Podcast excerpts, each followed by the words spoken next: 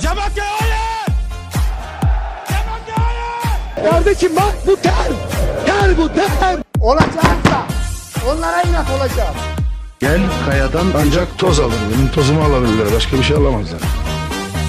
Dünyanın en iyi liginin konuşulduğu Değil'in 13. bölümünden selamlar. Ben Saygın. Melih abiyle beraberiz yine. Abinin Arnavut nasıl gidiyor? İyidir saygın yanı olsun. Senden ne haber? İyi valla bir sıkıntı yok. Ee, şirket sağ olsun e, 29 Ekim için bir güzellik yapıp 5 günlük bir tatil kapattı. Çarşamba ve Cuma'yı da kapattı. O yüzden keyfimiz yerine geldi bugün. Allah güzel. Senin. Fran senin bu arada Fransa Ligi yazıları nasıl gidiyor? Boykot yedi mi onlar? yok. Oraya oraya bir boykot yok gibi duruyor şimdilik. İnşallah sıkıntı yaşamayız. Yani Fransa Ligi'ni izlemek acı verici abi. Süper Lig'de izliyoruz bir de. Yani Fransa Ligi aralarında Süper Lig izlemek, Süper Lig aralarında Fransa Ligi izlemek cidden e, spordan en keyif almadığım dönemi yaşıyor olabilirim şu anda.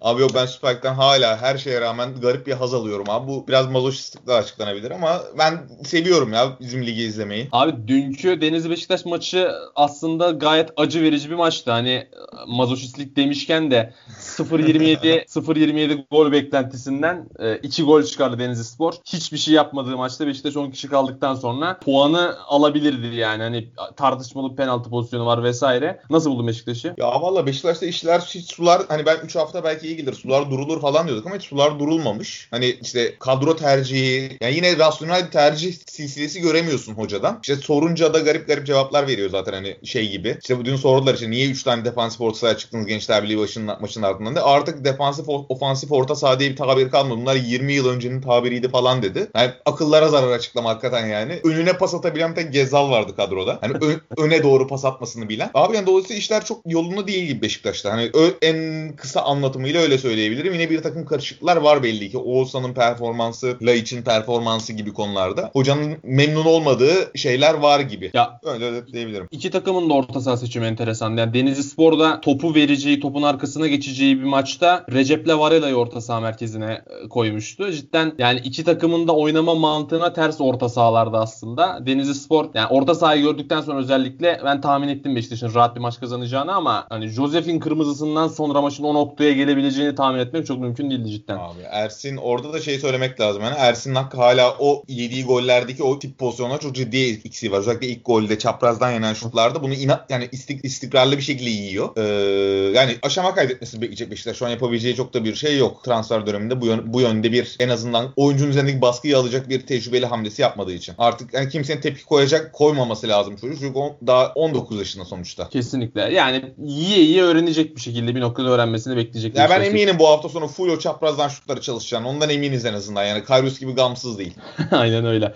Abi e, 4. Fatih Fatih Terim dönemindeki e, 20. 25. yönetim krizini falan yaşıyoruz galiba.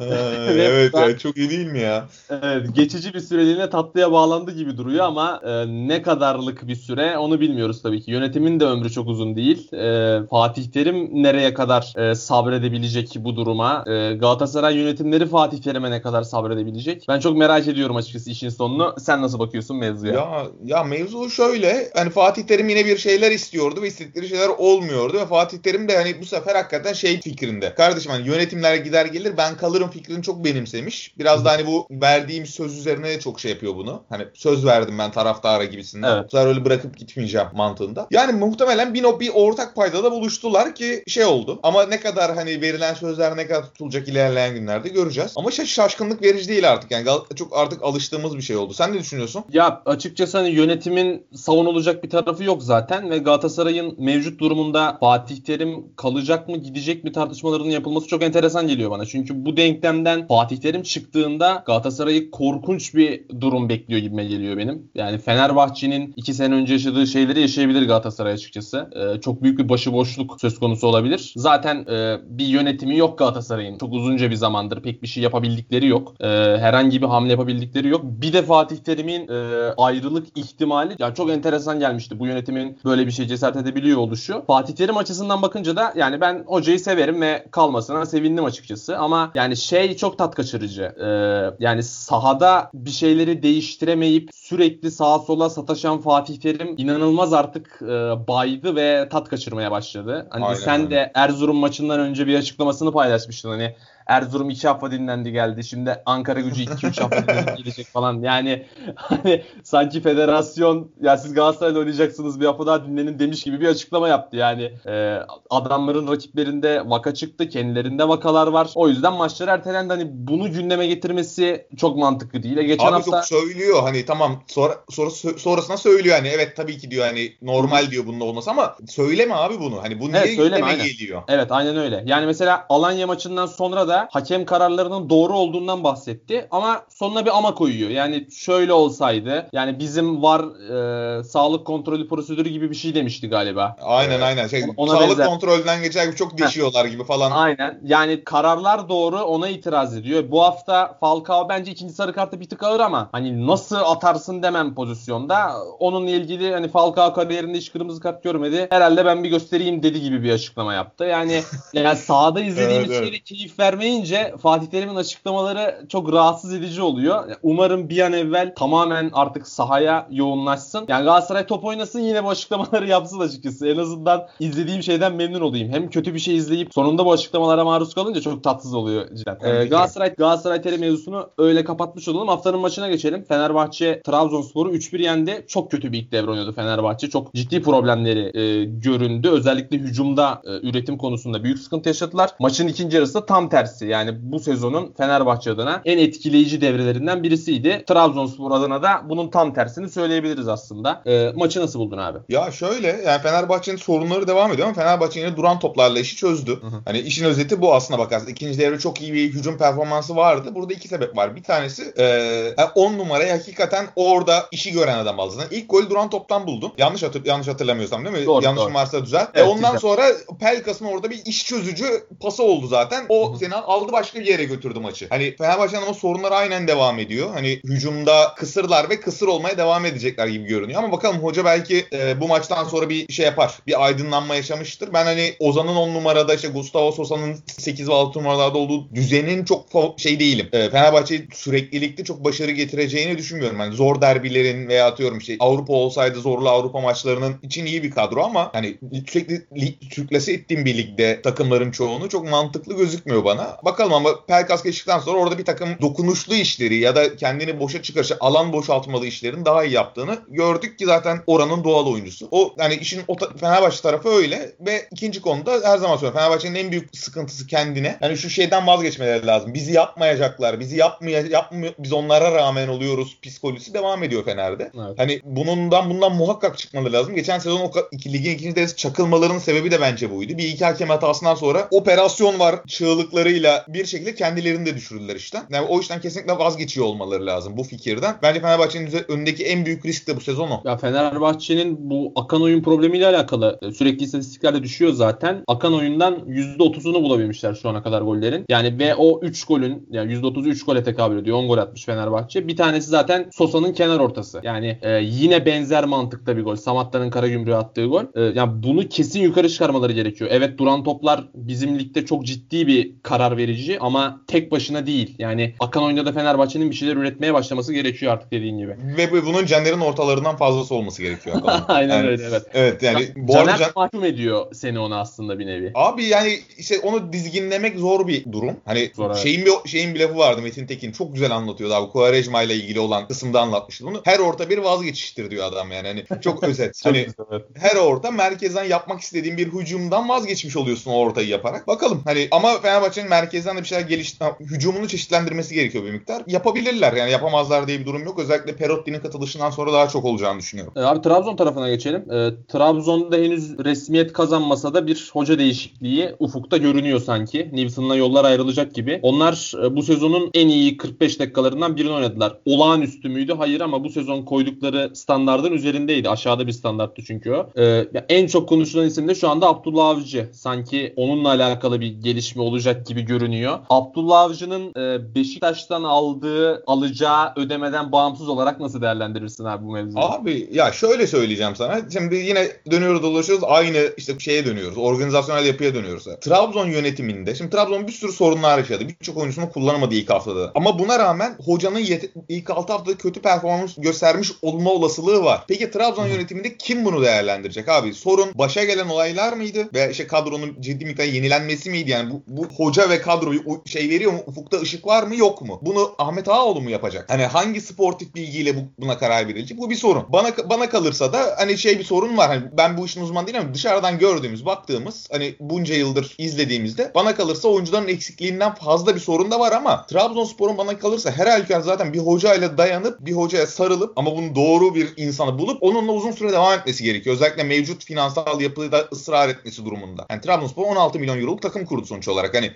rakiplerinin üçte biri boyutunda ve elinde bence fena olmayan da bir malzeme var. Ama bunu bununla bir hocayla beraber bunu devam ettiriyor olmaları lazım. Abdullah Avcı bunun için uygun bir insan mıdır? Düzen kurmak için uygun bir insandır. Bana kalırsa hani bir düzen kurar. Bir temeli inşa eder çok rahat şekilde. Beşiktaş da bunu yapamadı. Belki ders aldığı hataları hatalardan ders alır. Trabzon bunu daha iyi yapar. Yani ben ben karşı değilim. Benim de şahsi fikrim Eddie Newton'la bu iş olmayabilir ama en temelinde Trabzon yönetiminde bu işe kim karar verecek abi? Hani Eddie Newton'la niye olmadığının analizini yapabilecek bir bilgi var mı? Bir bilgi dağarcığı var mı orada? Yok. Tabelaya Yok. bakıp kararlar verilecek yine. Aynen öyle. Ben açıkçası çok merak ediyorum. Yani sezon başında bayağı soğuktum bu işe. Yani Abdullah Avcı Trabzonspor kafada oturmuyordu. Şu anda da çok oturmuyor ama yani Trabzonspor'un cidden bir antrenör dokunuşuna ciddi ihtiyacı var. Çünkü hani geçen hafta da konuştuk. Artık Trabzon'un 30 tane atacak bir forveti yok. O yüzden de güçlü, kuvvetli bir oyuna ihtiyacı var. Onu da iyi bir antrenörle yapabilir ancak. Abi bir de Trabzonspor çok patlayıcı bir takım abi. Şu an kadrosu da öyle yani. Şey değil böyle. Hani alayım top yerleşeyim karşı yarı sahaya öyle yapayım. Envakame dışında orada hakikaten verimli olacak oyuncusu çok var mı emin değilim. Ekuban da öyle bir oyuncu. Geçiş, hücum, geçiş hücumcusu yani. Hani en kritik iki hücumcusu bu ikisi ve Abdullah Abdülkadir Ömür Evet. diyebilirsin ki o da hani verimi biraz tartışmalı ama Ekuban ve Envakame de set hücumunda Envakame bence iş görür ama Ekuban ne kadar görür en kritik hücumcunun diyeceğin adam. Ondan çok emin değilim ama temelde bir Trabzonspor'un bir düzen kurması gerekiyor. Bu bir şart. Ben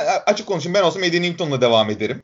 Kişisel fikrim. Çünkü bir düzen getirmeye çalışıyor adam. Yapmaya çalıştığı bir şey var. Öyle ya da böyle. Ama o hocanın eksikliklerini hocaya söyleyebilecek bir üstte bir şey de yok. Akıl da yok. Hani hocam sen bunu böyle yapıyorsun bak şunu şöyle mi yapsak acaba diyecek bir polaklı da yok orada. Hoca dışında. Dolayısıyla muhtemelen gönderip başka bir şey de, başka biriyle deneyecekler. Olmadı başka biriyle deneyecekler. Ta ki tabela onların lehini gösterene kadar. Bir de Newton'un da ilk hocalık deneyimi. O yüzden yani dediğin gibi birinin olması onun açısından da iyi olurdu. Trabzonspor'u geçtim. Yani onun da işini epey kolaylaştırırdı büyük ihtimalle. Abi ligin bu haftasını kapatalım. Yavaştan konularımıza geçelim. Ee, yani ilk olarak o hakemler mevzusunu konuşacağız. Yani fazlaca e, gündemde çünkü herkes iyisi kötüsü bir şekilde e, kazanan kaybeden hakemlerle alakalı mutlaka bir açıklama yapıyor. Rıza Çalınbay yine zehir zemberek konuşmuş bu arada. Dün e, PFDK'ya falan sevk edilmiş hatta. İşte Fatih Terim kazanıyor konuşuyor, kaybediyor konuşuyor. E, Erol Bulut bir şeyler söylüyor. Herkes hakemlerle alakalı şikayet halinde. E, biz de bu hafta hani Fatih Altaylı'nın e, okurdan mektuplar köşesinden sen bir e, yazı atmıştın. Orada Ankara Üniversitesi'ndeki bir hakemlik kursuyla alakalı e, bir şeyler vardı orada. İki genç başvuracaklar vesaire. Başvuruyorlar, çalışıyorlar sınavlara ama eğitimlerle alakalı bir takım sıkıntılar söz konusu oluyor. Bir geri dönüş bekliyorlar. E, federasyondan bir geri dönüş alamıyorlar vesaire gibi. Hani hakemliğin e, nasıl başladığı, seçildiği, devam ettiği konusunda da çok ciddi soru işaretleri var. Ama ülkede genel olarak hem hakemlikle alakalı hem hakemliğin çok fazla tartışılmasıyla alakalı ciddi bir problem var gibi görünüyor. E,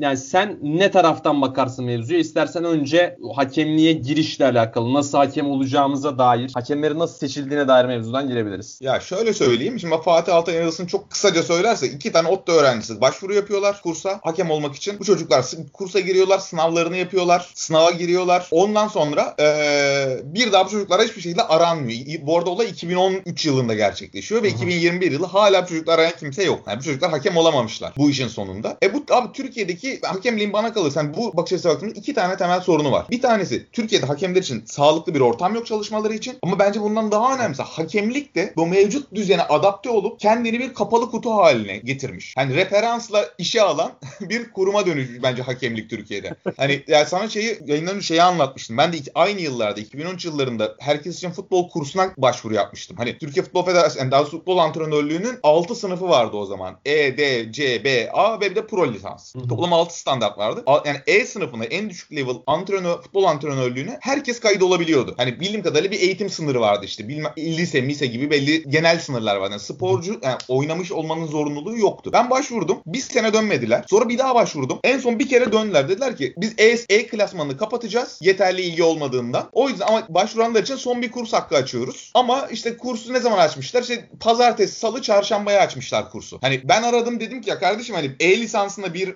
insanın profesyonel antrenörlük yapmak isteyen birinin gitmeyeceği malum. Hani bunu niye hafta sonu yapmıyorsunuz? Ve yapılmadı abi. Ben böyle 100 kere falan aradım federasyonla Beylerbeyi'ni aradım işte. O zaman Beylerbeyi'ndeydi merkezleri. Konuşuyorum insanlarla vesaire yapmadılar ve ben o antrenörlük kursuna katılamadım. Zaten sonra E sınıfını kapatıp o, futbol oynamış olmamın bir zorunluluk olmasını getirdiler vesaire. Yani her yerde aynı şey oldu. Ama şu an bakıyorsun birçok insan antrenör, antrenörlük oluyor. Bunlar ne oluyor temelde? Ah, ahbap çavuş ilişkileriyle oluyor vesaire. Yani buradaki temel sorunlardan bir tane feda- hakemlik de kendini içine kapatıp kendi içinde bir hiyerarşi kurmuş. Şimdi şeyi konuşalım hani. Şimdi mevcut hakemleri ben geçen sene ya kim bu hakemler kardeşim? Bu adamlar nereden gelmiş diye bir araştırma yapmışım. Seninle de paylaştım onu. Evet, Sen aynen. ne düşünüyorsun o çalışmayla ilgili ki? Yani çok ilkel bir çalışma yani. yani çok basit şekilde çalıştım. Abi açıkçası yani sürekli duyuyorduk e, hakem yorumcularından vesaire. Hani burada bir amca yeğen ilişkisi var. Yeğenimi alayım, oğlumu alayım şeklinde. Hani sürekli duyuyordum ama hani böyle bir çalışma daha önce görmemiştim. Yani aşağı yukarı 20'ye yakın hakem var. 15 ile alakalı bilgiler var burada işte. Abisi hakem olan var, babası eski yönetici olan var, milletvekili olan var vesaire. Yani gerçekten kapsamlı ve beni çok doyurucu bir çalışma açıkçası. Çok keyifli. Eline sağlık o bak- yüzden. İstiyorsan detaylarını sen ver. Bak birkaç tanesini sayayım şimdi. Buradaki nasıl araştırmayı yaptığımı söyleyeyim. Tam sağ dergisinden Allah razı olsun. Tüm hakemlerle ilgili yani üst klas maçında tüm hakemlerle röportaj yapmışlar ve oradan hemen bir takım bilgileri alabiliyorsun. Oradan oradan aldığın bilgilerle de bir, bir takım araştırmalara giriyorsun Google üzerinden yani. Bu çok basit bir araştırma aslına bakarsan. Hani bir insanlarla konuşsam bu camiayı biraz bilen daha fazlası da çıkar. Büyük Ama bak mesela Cüneyt Çakır'ı zaten biliyoruz. Serdar Çakır eski hakem. Aynı zamanda eski MHK başkanı falan filan. Fırat Aydınus'un mesela abisi de hakem. Çok enteresan. Hani Ben bunlar hep evet, Evet. hepsi dirsek temas. Suat Arslanbo abisi de hakem. Ama hani e, ikisi de bir, bir şekilde yükselebilmişler işte. Mete Kalkavan'ın babası eski Samsun Spor yöneticisi artı milletvekili. Hı hı. Ne bileyim Me- Serkan Tokat'ın amcası Metin Tokat. Bu bilgiyi tam doğrulayamadım ama yüksek ihtimalle böyle. Metin Serkan Tokat'ın amcası Mehmet Metin Tokat o da eski hakem. Evet evet o doğru Bahat, ya. Bahat hatta Değişik- Ba- Bahat hatta bir ekleme şey- yapayım. Heh. Metin Tokat e, şu anki gözlemci kurulunda galiba yani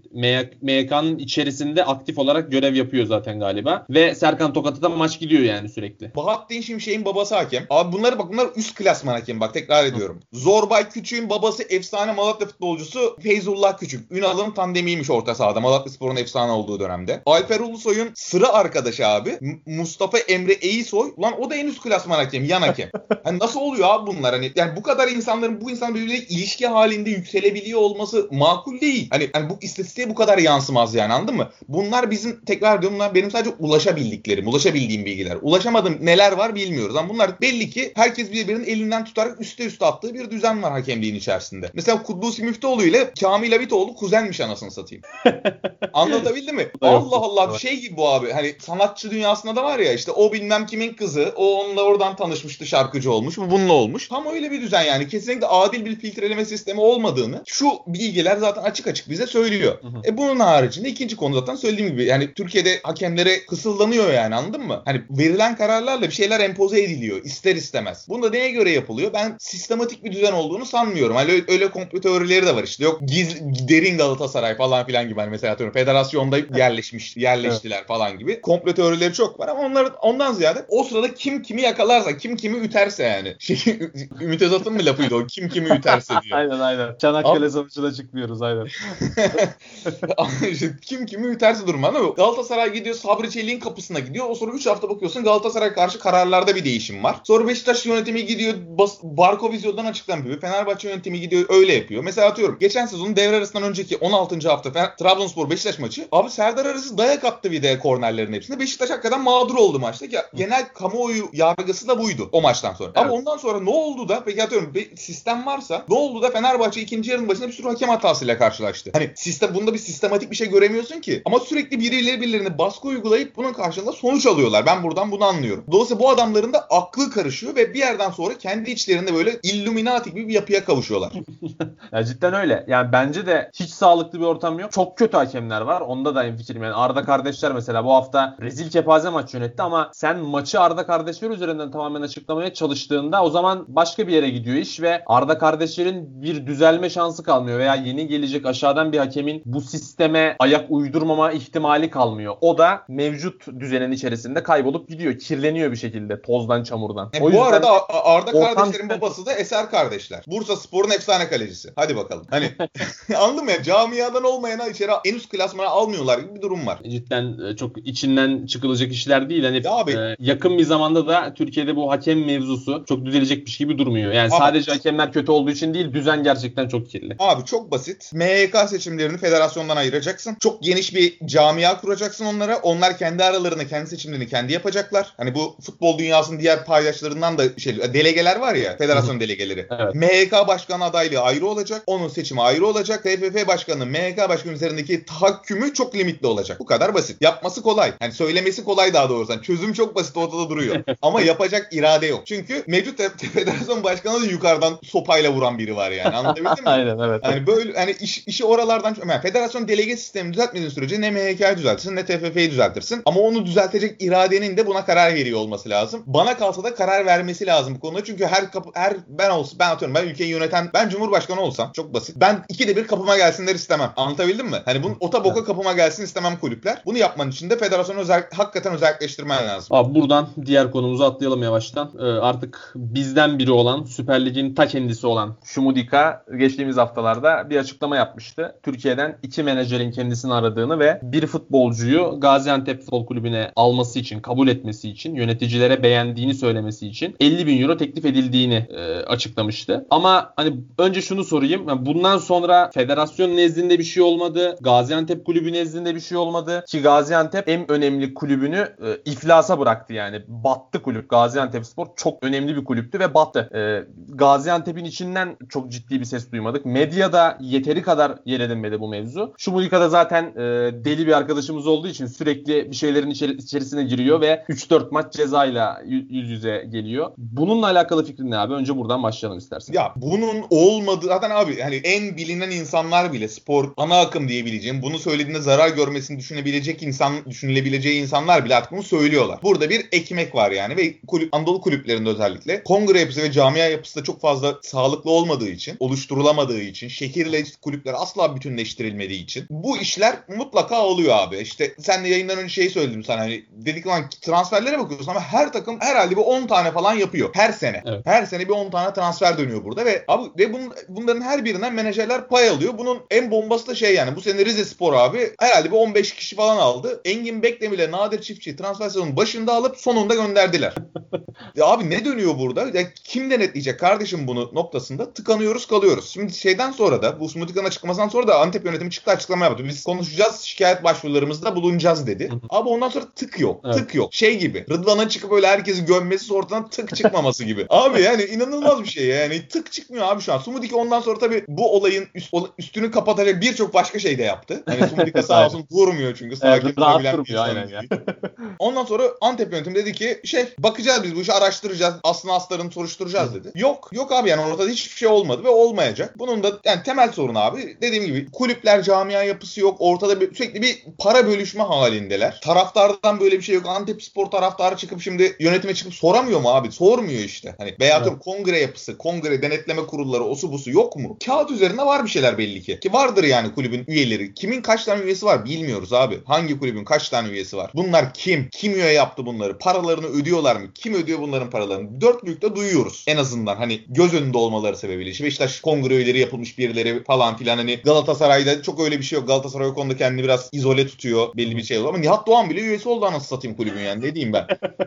Böyle bir acayiplik içerisindeyiz ve bunun düzelmesi nasıl mümkün olacak ben açıkçası çok kestiremiyorum abi. Hani çok hani kulüpleri camialarla bütünleştir hani şehirlerle bütünleştiriyor olmak lazım abi. Kongre üyeliğinin daha erişilebilir ve insanların üye olmak isteyeceği bir hale çevirmek gerekiyor. Yani aklıma gelen tek çözüm bu. İkinci durumda satılacak abi kulüpler. En azından bu tip bir organizasyonu değiştirilemeyen kulüpler satılacak. Adamın şirketi adam ne isterse yapar olacak. Evet. Ama abi şimdi şöyle bir durum var. Ee, Satalım evet de yani kim alacak bu ürünü de? Öyle bir sıkıntı da var ya. Yani hani böyle bir pazara yatırım yapmak da şu anda çok mantıklı durmuyor. Abi şey borçsuz kulübü gerekiyor. alırım ben ya. Bana versinler ben alırım. Borçsuz Süper Lig. Abi fena para yok Türkiye Ligi'nde. Bakma Avrupa Ligleriyle şimdi atıyorum. Acun Ilıcalı gidiyor Fortuna Sister'da aldı. Fortuna Sister'da ne geliri var abi? Hani sen ve Evet. futbol, futbol dediğin şey altyapısına da yatırım yaptığında bir takım kulübe bir miktar yatırım da yaptığında çok kolay karşılığını alabildiğin bir yer aslına bakarsan. Hani atıyorum bir insan niye gidiyor İngiliz hani Süper Lig gelişir gelişmez bunlar ayrı konu. Yani kulübün to- kulübün geliri artı ayrı konu. Mesela oyuncu gelişiminden Türkiye gibi bir genç potansiyelin olduğu bir ülkeye böyle bir yatırım yap ben ben ben yaparım abi. Hani anlatabildim mi? Ama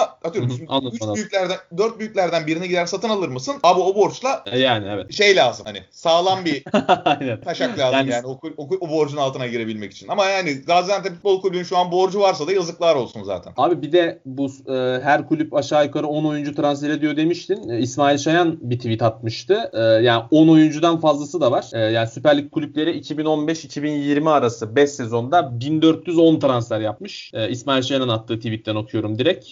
Yılda 282 transfere denk geliyormuş ve kulüp başına yaklaşık 16 transfer yapıyor bu da. Yani e, işte kadro 28 kişi, 3'ü kendi altyapından olmalı diye eklemiş. 25 oyuncunun 16'sı her yıl değişiyor. %60'ından fazlasına denk geliyor. Yani her takım tekrar takım yapıyor her sezon neredeyse. Ya hadi İnanılmaz onun, bir şey bu. Aa bak yani hadi onun altısını ayır. Hadi onun altısını ayır. Altyapıdan geldi gönderdim genç denedim olmadı falan diye. Altıda değil de hadi altı ayır. Her sene her kulüp 10 tane oyuncu alıyor ya. Zaten kullandığın 18 tane oyuncu var. E, maksimum Evet. 20 tane oyuncu var yani. Hani kadronda hakikaten anlamlı süre verdiğin. Hani bu insanın akla aklı almıyor değil demeyeyim. Aklı almıyor çok yanlış bir cümle oluyor ama abi kabul edilemez ya. Yani bu kadar insanın nasıl söyleyeyim en azından takip ettiği, sevdiği demeyeceğim. Türkiye'deki futbol sevgisiyle ilgili fikirlerim çok karmaşık. Onu başka bir gün konuşuruz. Ama yani bu kadar insan takip etti, bu kadar insanın paydaşı olduğu bir olaydı. Bu kadar da saçmalanmaz ya. Ben Türkiye'de herhalde en çok iş bilmezlerin iş yaptığı iş sektörü diyebilirim ya futbola. Yani.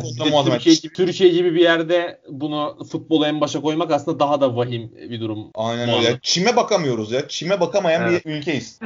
Korkunç cidden. Ee, İsmail Şayan'ın bir tweet üzerinden daha son bir muhabbet çevirelim. Daha sonra kapatacağız abi. İşte e, bu menajerler muhabbeti üzerinden e, iki tane e, Alec Faustino ve Nicolas Saizer adlı iki tane menajer Hollanda ve İngiltere'deki İngiltere'deki bazı futbolculara işte alt ligdeki veya genç futbolculara sizi Türkiye Ligi'ne götüreceğiz deyip e, Rize Spor damgalı Rize Spor logosunun olduğu bir evrak e, yolluyorlar ve oyunculardan biraz para tırtıklıyorlar açıkçası ve e, FIFPro'da e, Profesyonel Futbolcular Derneği de e, bu iki isim için futbolcuları uyarıyor. E, yani ben de Hollanda'da İngiltere'de vasat altı bir futbolcu olsam ve hani Türkiye Ligi'nden teklif var şeklinde bir şey duysam muhtemelen avuç işlerim kaşınırdı ve bu 1000 euroyu ben de yollardım gibime geldi açıkçası abi. Sen ne dersin? Senin Anladım. sözlerinde kapatalım. Ya bu bu çok şey bir ya şey bir konu. Nasıl söyleyeyim? Üzücü bir husus abi. Yani Süper Lig'in buna konu konu oluyor olması. Tabii yapanlar Evet, değil vesaire ama bunun nasıl olabildiği yani bunun için Türkiye'nin seçilmesinde bir sebebi var abi. Hani Kesinlikle, onu da evet. onu da herkesin oturup düşünmesi gerekiyor. Hani bu işlerin de tekrar edelim yani çözüm sunmadan kapatmayalım. Yani bu işlerin çözülmesinin temel konusu başkanların, yöneticilerin yapılan harcamalardan sorumlu tutacağı ve yaklaşık 5 yıldır falan filan